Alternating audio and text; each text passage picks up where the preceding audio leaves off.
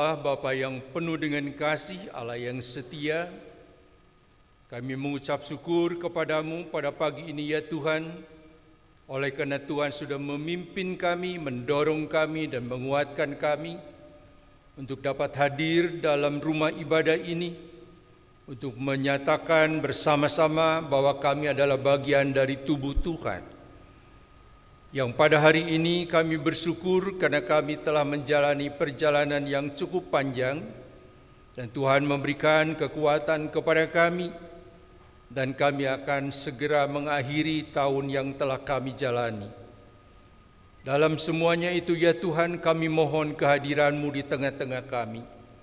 Sebentar kami akan mendengarkan sabdamu, kami akan membaca firman-Mu dan kami akan merenungkannya. Karena kami ini manusia yang terbatas, tidak mampu memahami firman Tuhan dengan baik. Kami serahkan sepenuhnya pertemuan kami dengan Tuhan pagi ini ke dalam tangan kuasamu sendiri.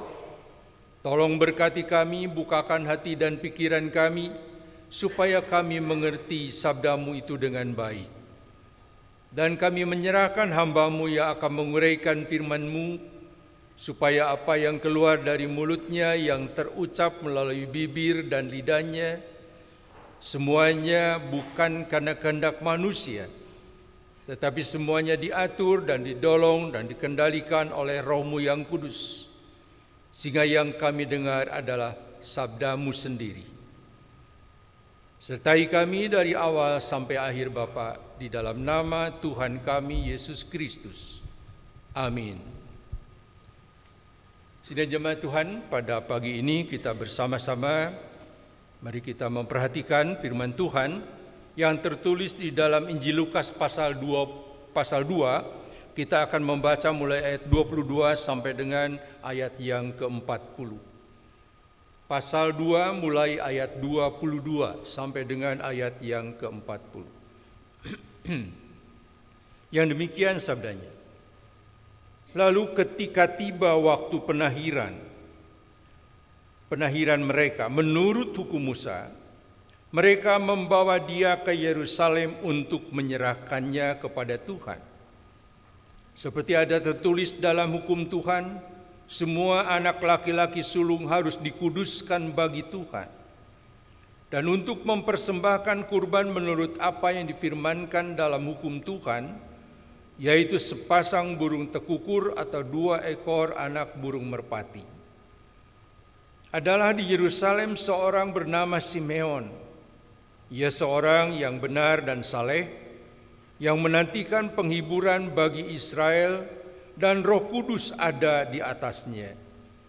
Kepadanya telah dinyatakan oleh roh kudus bahwa ia tidak akan mati sebelum ia melihat Mesias dari Tuhan. Ia datang ke bait Allah oleh Roh Kudus. Ketika Yesus anak itu dibawa masuk oleh orang tuanya untuk melakukan kepadanya apa yang ditentukan hukum Taurat. Ia menyambut anak itu dan menggendongnya sambil memuji Allah, katanya, Sekarang Tuhan biarkanlah hambamu ini pergi dalam damai sesuai dengan firman-Mu Sebab mataku telah melihat keselamatan yang datang darimu, yang telah engkau sediakan di hadapan segala bangsa, yaitu terang yang menjadi penyataanmu bagi bangsa-bangsa lain dan menjadi kemuliaan bagi umatku, umatmu Israel. Ayah dan ibunya heran akan segala sesuatu yang dikatakan tentang dia. Lalu Simeon memberkati mereka dan berkata kepada Maria, ibu anak itu, Sesungguhnya anak ini ditentukan untuk menjatuhkan dan membangkitkan banyak orang di Israel dan untuk menjadi suatu tanda yang menimbulkan perbantahan supaya menjadi nyata pikiran hati banyak orang. Suatu pedang juga akan menembus jiwamu sendiri. Ada pula seorang nabiah bernama Hana, anak perempuan Fanuel dari suku Asyir. Sesudah kawin ia hidup bersama-sama suaminya tujuh tahun lamanya, lalu menjanda sampai berumur 84 tahun. Ia tidak pernah meninggalkan bait Allah dan siang malam beribadah dengan berpuasa dan, dan berdoa. Pada saat itu juga ia mendekat dan mengucap syukur kepada Allah. Ia berbicara tentang anak itu kepada semua orang yang menantikan pembebasan untuk Yerusalem. Setelah selesai semua yang harus dilakukan menurut hukum Tuhan, kembalilah mereka ke Galilea ke kota mereka Nazaret. Anak itu bertambah besar dan menjadi kuat, penuh hikmat dan anugerah Allah ada padanya. Demikianlah saudara firman Tuhan yang kita baca pada pagi ini. Berbahagialah orang yang mendengar firman Tuhan dan memelihara dalam hidupnya. Haleluya.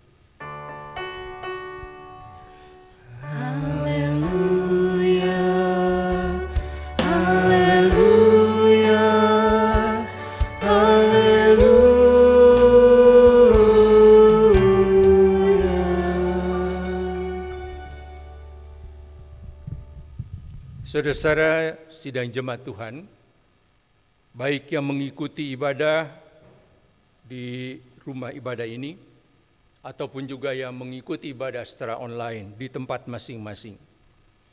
Selamat pagi, Wilujeng Enjing Kesadayana.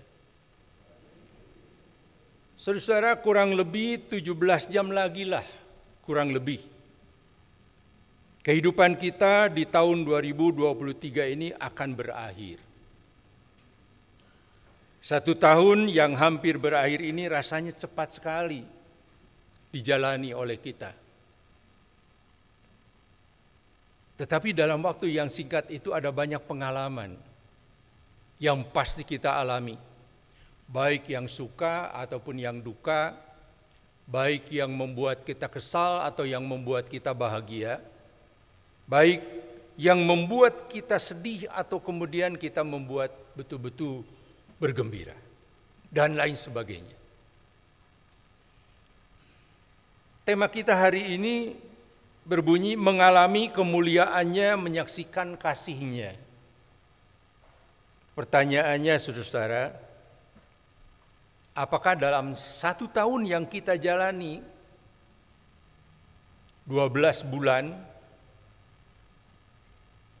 saudara-saudara kita ini mengalami tidak kemuliaan Tuhan. Kalau mengalami kemuliaan Tuhan kan berarti mengalami sesuatu yang membahagiakan. Yang membahagiakan kita yakini berasal dari Tuhan dan itulah kasih Tuhan. Jadi kalau kita mengalami kemuliaan Tuhan pasti kita bisa bercerita tentang apa yang kita alami yang membuat kita bergembira. Kita bisa menyaksikan kasihnya. Sekali lagi pertanyaannya, bentuk pengalaman dalam kemuliaan Tuhan itu dialami tidak? Oleh Bapak, Ibu, oleh saudara-saudara. Memang mungkin bertanya begini, apa sih yang dimaksud dengan kemuliaan Tuhan itu? Kalau kita memperhatikan kamus besar bahasa Indonesia, kemuliaan itu berarti keluhuran, keagungan, kehormatan. Nah, kalau itu yang dimaksud lalu kita katakan, apakah kita mengalami keluhuran, kehormatan, itu sesuatu yang luar biasa, keagungan Tuhan di dalam perjalanan hidup kita setahun ini. Keagungan, kemuliaannya bagaimana? Di dalam Alkitab kita bisa mendapatkan beberapa contoh. Antara lain, Musa misalnya di Gunung Horeb. Dia melihat api yang menyala-nyala dan belukar tapi belukarnya tidak terbakar. Dan di situ Tuhan berbicara kepada dia, oh Musa di situ betul-betul tidak boleh berdiri di situ dengan pakai sandal atau sepatu harus dicopot karena itu tempat kudus. Ada satu kemuliaan dirasakan langsung oleh Musa. Contoh lain misalnya saudara-saudara kita bisa mengatakan Yesaya. Yesaya dia didatangi oleh Tuhan di tempat yang mati yang bertahta di tempat yang mati tinggi. Betul-betul suasananya luar biasa. Karena Tuhan itu di, dikelilingi oleh serapim, malaikat-malaikat yang bersayap enam. Dua menutupi wajah, dua menutupi tangan, dua menutupi kakinya. Dan mereka berseru, kudus, kudus, kuduslah Tuhan, pencipta alam semesta. Itu jelas sekali kemuliaan Tuhan dialami oleh Yesaya. Yang lain misalnya Yohanes di Pulau Patmos. Dia bertemu dengan Tuhan Yesus. Luar biasa. Rambutnya putih seperti salju. Wajahnya bercahaya luar biasa. Kakinya menyala seperti tembaga di atas perapian. Suaranya seperti bunyi desau air bah katanya bunyinya. Wah itu betul-betul menggetarkan. Karena ada satu yang sangat luar biasa dihadapi oleh Yesaya. Ada enggak di antara kita yang mengalami yang begitu? Rasanya belum pernah dengar tuh ya. Atau rasanya mungkin tidak ada gitu. Sehingga pertanyaan kita kalau tidak ada lalu kemuliaan model apa yang kita alami? Karena kalau kita tidak mengenal kemuliaan Tuhan, susah kita menyaksikan tentang kasih Tuhan. Nah saudara untuk itu mari kita bersama-sama coba menghayati firman Tuhan yang kita baca tadi dari Lukas 2 ayat 22 sampai 40. Apa yang disaksikan oleh Lukas 2 ini? Dikatakan setelah masa pentahiran selesai yang dimaksud pentahiran itu apa, saudara? Di dalam hukum Yahudi, hukum, hukum agama Yahudi, seorang wanita yang melahirkan itu harus mengalami satu disiplin.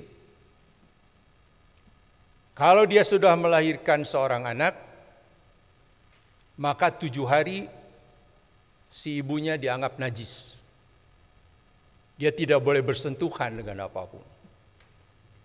Dan sisanya 33 hari dia tidak boleh keluar rumah. 40 hari dia harus tinggal di rumah. Itu kalau yang dilahirkannya laki-laki, anak laki-laki. Tapi kalau yang dilahirkannya anak perempuan itu 80 hari disiplinnya. Baru boleh keluar rumah, bisa datang ke rumah ibadah, ke bait Allah, lalu bisa mengikuti upacara agama. Sebelum itu tercapai tidak bisa datang ke bait Allah. Jadi kalau kita membaca Lukas 2 ini, dikatakan mereka pergi ke bait Allah, itu pasti paling tidak itu 40 hari lebih satu. Berarti ke 41 hari setelah Tuhan Yesus lahir. Jadi masih bayi. Tuhan Yesus masih digendong. Untuk apa mereka harus ke bait Allah? Karena menurut hukum setiap anak sulung harus diserahkan kepada Tuhan. Dan mereka harus memberikan persembahan anak sulung binatang. Biasanya kambing, domba, atau lembu, tapi bagi yang miskin bisa tekukur atau merpati. Nah demikianlah dilakukan oleh Yusuf dan Maria. Kemungkinan mereka karena mereka miskin membawa yang paling kecil itu persembahannya entah merpati atau tekukur. Dan lalu membayar lima sikal. Lima sikal itu kurang lebih sama dengan 21 ribu. Kalau sekarang, ya saudara itu untuk apa uang itu? Ada yang mengatakan ini untuk sebagai tanda bahwa mereka membeli bayi itu dari Tuhan. Karena bayi itu diserahkan kepada Tuhan, sekarang kalau mau dibawa lagi menjadi miliknya harus dibeli. Itu melalui persembahan lima sikal. Dan ketika mereka datang ke bait Allah itu, Yusuf dan Maria dan anak yang masih bayi. Di situ mengalami dua perjumpaan. Perjumpaan pertama adalah dengan seorang bernama Simeon Hana. Dia seorang berasal dari Israel Utara, seorang yang kudus dan saleh. Dan kepada dia itu istimewa sekali karena Roh Kudus menaungi dia dan berkata, bahwa dia tidak akan mati sebelum dia bertemu dengan Mesias. Dan ketika anak itu dibawa oleh Yusuf dan Maria ke bait Allah, Roh Kudus memberitahu pada Simeon, itulah dia anaknya, itulah dia Mesias. Karena itu dia menghampiri anak itu lalu menggendongnya dan mengeluarkan pujian yang berkata demikian dalam pujiannya ayat 29 sampai ayat 32. Sekarang Tuhan biarkanlah hambamu ini pergi dalam damai sejahtera sesuai dengan firmanmu sebab mataku telah melihat keselamatan yang daripadamu yang telah engkau sediakan di hadapan segala bangsa, yaitu terang yang menjadi penyataan bagi bangsa-bangsa lain dan menjadi kemuliaan bagi umatmu Israel.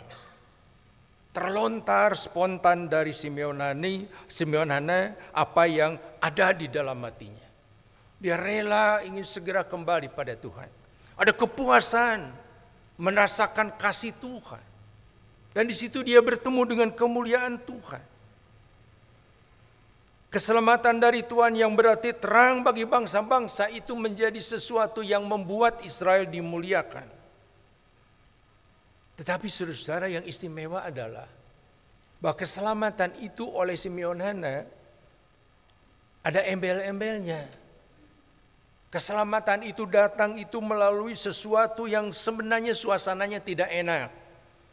Karena ayat 34 dan 35 mengatakan, Sesungguhnya anak ini ditentukan untuk menjatuhkan atau membangkitkan banyak orang di Israel dan untuk menjadi suatu tanda yang menimbulkan perbantahan. Dan dia bicara langsung kepada Maria, dan suatu pedang akan menebus jiwamu sendiri supaya menjadi nyata pikiran hati banyak orang. Perkataan Simeon ini merupakan nubuat apa yang akan terjadi dengan diri Yesus ini? Bahwa dia akan menimbulkan persoalan dalam masyarakat. Dan kalau pedang menembus jiwamu sendiri, itu menggambarkan bagaimana Yesus akan disengsarakan sampai dibunuh di kayu salib. Dan Maria menyaksikan semua itu. Itu perjumpaan pertama sangat mengherankan buat Yusuf dan Maria. Dan perjumpaan yang kedua adalah berjumpa dengan seorang nabiah atau nabi perempuan yang bernama Hana. Dia seorang janda berusia 84 tahun. Ketika dia melihat anak, dia pun lalu kemudian yang hidupnya memang dia tidak pernah meninggalkan bait Allah, kerjanya cuma berdoa dan berpuasa. Dan ketika melihat anak, dia datang menghampirinya Lalu dia berbicara kepada banyak orang tentang apa dan siapa anak ini. Pasti berbicara sesuai dengan nubuat para nabi. Bahwa dia adalah juru selamat, dia adalah Mesias. Saudara, sekali lagi kalau kita tanya siapa dari mereka itu Yusuf dan Maria, Simeon, Hana, Simeon dan Hana yang mengalami kemuliaan Tuhan. Yang berjumpa dengan kemuliaan Tuhan, yang merasakan kemuliaan Tuhan. Semuanya mengalami. Namun bentuknya berbeda-beda. Simeon mengalami pernyataan Roh Kudus yang demikian jelas, menuntun dia bertemu dengan Mesias. Hana juga demikian. Maria dan Yusuf dari sejak mereka didatangi malaikat untuk mengandung sudah menemukan itu. Merasakan kemuliaan Tuhan. Kasih Tuhan kepada mereka. Bahwa yang dikandung oleh Maria itu adalah bukan manusia biasa. Tapi dia adalah Mesias. Yang akan menjadi juru selamat bagi bangsa-bangsa di dunia. Dan ini sesuai dengan janji Tuhan pada Abraham Melalui kamu sekalian bangsa di muka bumi akan beroleh berkat. Yusuf dan Maria saudara menghargai seluruh kasih Allah ini, perjumpaan ini dalam sepanjang hidupnya. Karena itu kita mendengar bagaimana mereka pulang ke Galilea pasti memelihara menjaga anak ini dengan baik. Sehingga anak ini bertumbuh dengan penuh hikmat. Dan makin dewasa. Ya, mereka bersaksi pasti kepada banyak orang pengalaman mereka.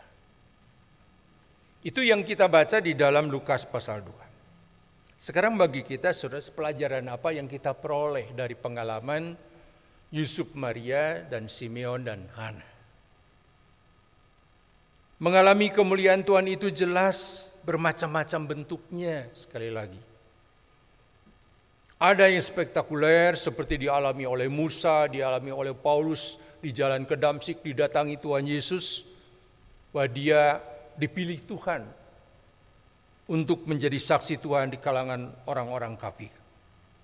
Atau dialami oleh nabi-nabi yang lainnya saya dan juga oleh Yohanes di Pulau Patmos. Tetapi perjalanan tidak semua orang mengalami begitu. Lalu apa yang dialami orang? Kita bisa mengatakan bahwa banyak sekali orang-orang kenapa gereja itu bisa bertumbuh. Banyak sekali bukan karena dia dilahirkan dari keluarga Kristen. Tapi banyak orang yang mendengarkan Injil Tuhan. Mereka tersentuh oleh Injil Tuhan. Mereka merasa dibukakan hatinya Lalu mereka merasakan kasih Allah, mereka bertobat dan menerima Tuhan. Dan mereka bercerita tentang kasih Tuhan di seluruh dunia. Itulah sebabnya gereja tersebar ke mana-mana. Karena ada orang yang merasakan kemuliaan Tuhan dalam dirinya dalam bentuk sentuhan melalui firman Tuhan. Dan mereka menceritakan kasih Tuhan itu. Sehingga banyak orang yang mendengarnya lalu kemudian terbuka hatinya dan bertobat. Jadi saudara kita perlu memahami bahwa mengalami kemuliaan Tuhan tidak selalu dalam bentuk yang nyata di mana kita bertemu dengan sesuatu yang luar biasa. Tapi dalam proses yang kelihatannya tidak kelihatan oleh orang lain tapi dialami oleh diri sendiri. Itu juga adalah perjumpaan dengan kemuliaan Tuhan. Itu juga adalah kita mengalami sedang mengalami kasih Tuhan. Dan itu yang harus kita saksikan kepada banyak orang di dalam dunia ini. Persoalannya adalah bagaimana kita menghayatinya itu. Sebab tidak gampang kita bisa menghayati bahwa itu adalah bentuk perjumpaan kita, pengalaman kita dalam berhadapan dengan kemuliaan Tuhan. Dan sering kali orang banyak yang tidak tahu apa yang harus saya saksikan. Walaupun dia sudah menerima Kristus. Saudara saya ingat ada dua cerita. Cerita ini akan saya sampaikan walaupun di antara saudara pastilah ada yang sudah tahu cerita ini. Tapi bagi yang sudah tahu saya harap ini menyegarkan saja ingatannya, ingatan kita. Tapi bagi yang baru tahu, baru mendengar, semoga ini menjadi sesuatu contoh yang berharga bagi kita. Ada dua cerita begini. Cerita pertama itu Dikatakan ada seorang penulis ternama, dia kelihatan murung dan dia duduk di meja, dia menulis.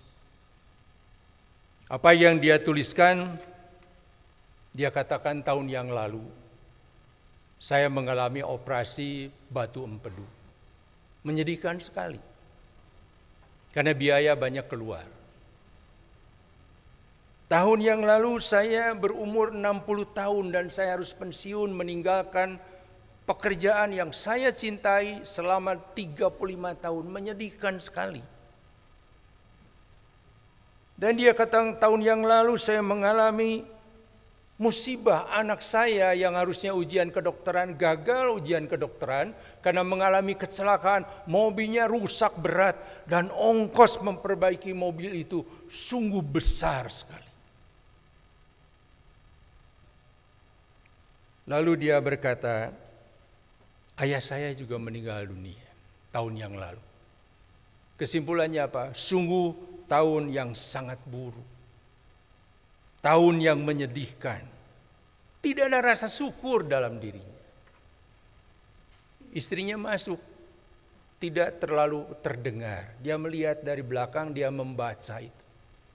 Dia mundur pelan-pelan, Lalu dia menuliskan sesuatu dan kembali 15 menit kemudian menyerahkan secari kertas berisi tulisan dia. Isi tulisannya begini. Tahun lalu suami berhasil menyingkirkan batu empedu yang bertahun-tahun membuat dia sangat sakit. Tahun yang lalu suami suami saya pensiun dengan sehat dengan bahagia setelah mengabdi 35 tahun lamanya dan memberi kehidupan kepada keluarga kami dengan baik. Dan dia menuliskan sekarang suami punya banyak waktu untuk menulis karena itu hobinya. Tahun yang lalu bapak mertua meninggal umur 95 tahun dalam damai tanpa sakit.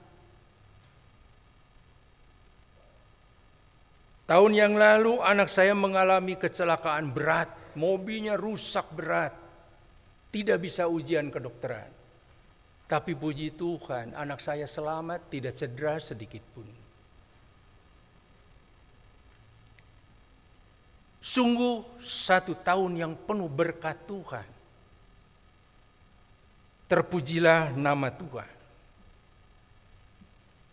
Dan Abraham Lincoln pernah berkata begini, kita mengeluh karena mawar yang memiliki semak durika,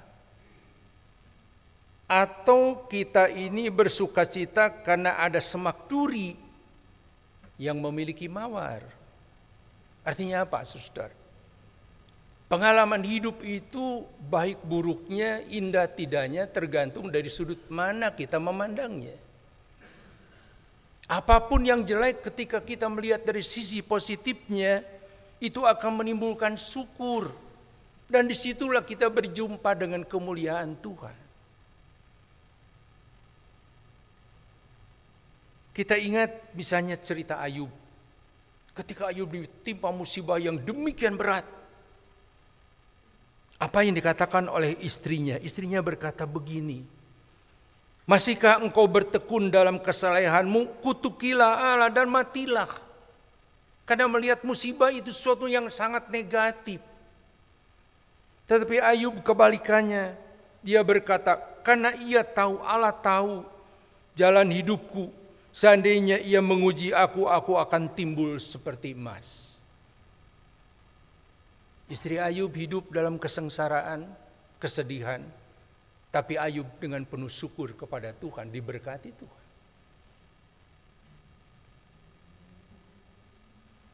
Saudara, cerita kedua, ini ada satu cerita yang sungguh-sungguh terjadi pada zaman Hitler di Jerman. Ada seorang remaja bernama Yangkel pada waktu itu pemilik toko roti di sebuah kota yang namanya Crown Heights. Dia kepada orang selalu berkata, kamu tahu kenapa aku hidup hari ini? Selalu dia bilang, kamu tahu kenapa aku hidup hari ini? Dan ketika orang bertanya tidak tahu kenapa gitu, baru dia cerita. Dia bercerita ketika dia masih remaja katanya dia tiba-tiba dengan segerombolan orang itu digiring oleh tentara Nazi masuk ke dalam sebuah kereta. Dipaksa masuk. Ada ratusan orang masuk. Dan perjalanan jauh ketika sudah sampai eh, malam gelap, tiba-tiba kereta berhenti dan mereka diturunkan di pinggiran rel kereta api dalam suasana yang sungguh dingin, salju sedang turun. Tidak diberi selimut, tidak diberi air, tidak diberi makanan. Kereta itu pergi meninggalkan mereka. Semuanya menggigil dalam kedinginan yang luar biasa. Mengarah ke arah membeku. Dan dia melihat di samping dia ada seorang tua. Yang menggigil dari kepala sampai ujung kaki kelihatan bergetar. Dan ternyata dia kenal itu orang tua yang baik dari kotanya. Dia lalu kemudian mendekap si bapak ini dia menggosok dari pipinya, mukanya ke lehernya, tangannya terus ke kakinya bandanya. Terus dia menggosok begitu.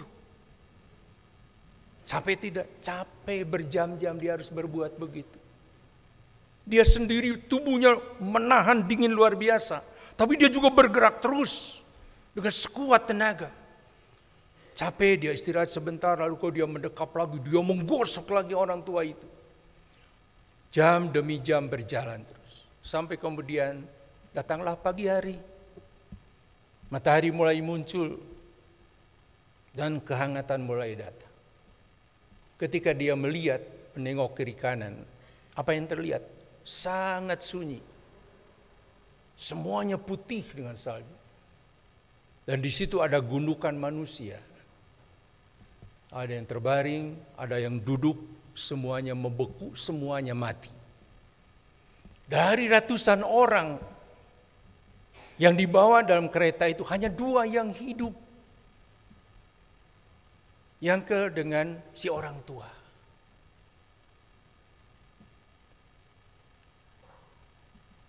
Lalu dia berkata, tahu kenapa? Kenapa aku bisa hidup? Karena aku menghangatkan dia. Dia bisa hidup karena aku menghangatkan dia dan aku hidup juga karena menghangatkan dia. Lalu karena itu dia berkata begini. Kalau dalam iman Kristen kita berkata, oh dia mengalami itu kasih Tuhan, berkat Tuhan, Tuhan melindungi mereka. Berarti mereka berjumpa dengan kemuliaan Tuhan. Tapi yang apa yang terjadi dalam realitasnya adalah sangat logis sekali. Karena yang kali ini dia berkata izinkan aku memberitahumu rahasia untuk bisa bertahan hidup dalam dunia ini. Saat kamu menghangatkan hati orang, kamu juga sedang menghangatkan dirimu sendiri. Ketika kamu mendukung, mendorong, dan menginspirasi orang, kamu menemukan dukungan, dorongan, dan inspirasi dalam kehidupanmu sendiri. Dan ketika kamu baik kepada orang lain, kamu berbuat baik kepada dirimu sendiri. Dan ketika kamu membuat orang lain berbahagia, orang akan membuat kamu berbahagia. Orang yang paling bahagia di dunia ialah mereka yang mampu memberi, bukan mereka yang hanya menerima dan meminta. Saudara cerita ini mengingatkan kita kepada ajaran Tuhan Yesus.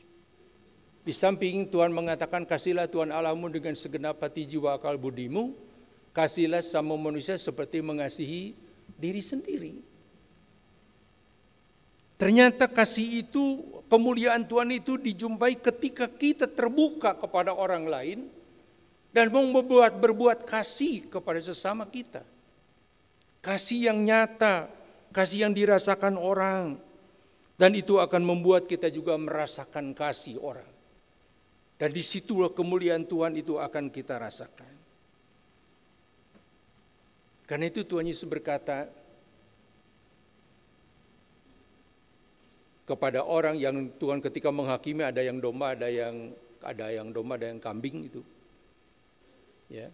Masuklah kamu, katanya marilah Hai kamu yang diberkati oleh Bapakku, terimalah kerajaan yang telah disediakan bagimu sejak dunia dijadikan. Masuk dalam kemuliaan Allah. Kenapa bisa begitu? Karena Tuhan bilang apa yang kamu lakukan kepada orang yang paling hina ini, itu yang kamu lakukan kepada.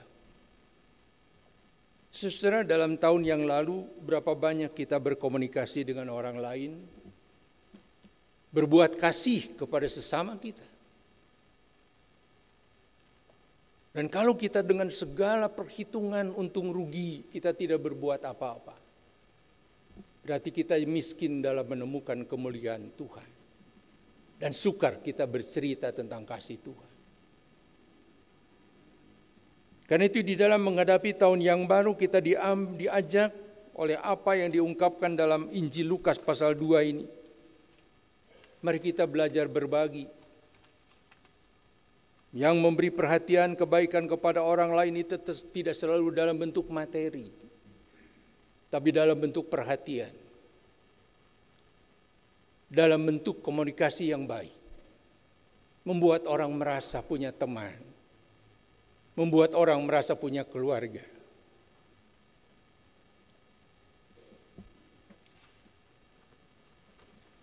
Tentu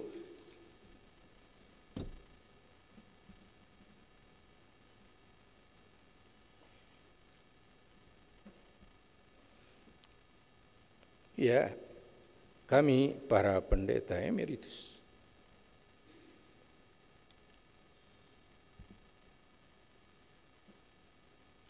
Yang ada di sekitar Bandung.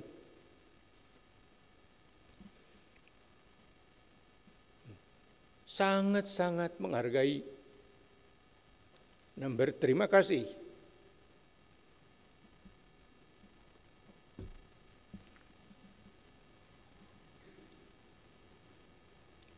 kami selalu didoakan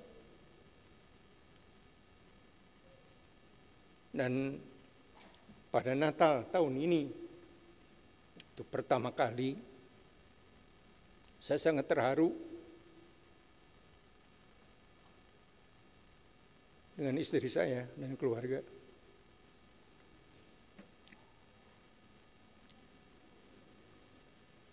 Karena Majelis Jemaat Bandung atas nama jemaat berkunjung ke rumah kami. Itu kami hargai, sangat kami hargai. Tapi tidak perlu selalu dikunjungi, didoakan saja itu sudah senang, luar biasa. Di situ bagi kami, kami menemukan kemuliaan Tuhan dan merasakan kasih Tuhan. Kiranya Tuhan menguatkan kita dalam memasuki tahun yang baru. Untuk kita dapat menyatakan kasih kita pada Tuhan melalui kasih kepada sesama secara konkret. Dan dengan demikian kita akan bertemu mengalami kemuliaan Tuhan. Dan kita bisa menyaksikan kasih Tuhan. Tuhan menguatkan dan memberkati kita. Amin.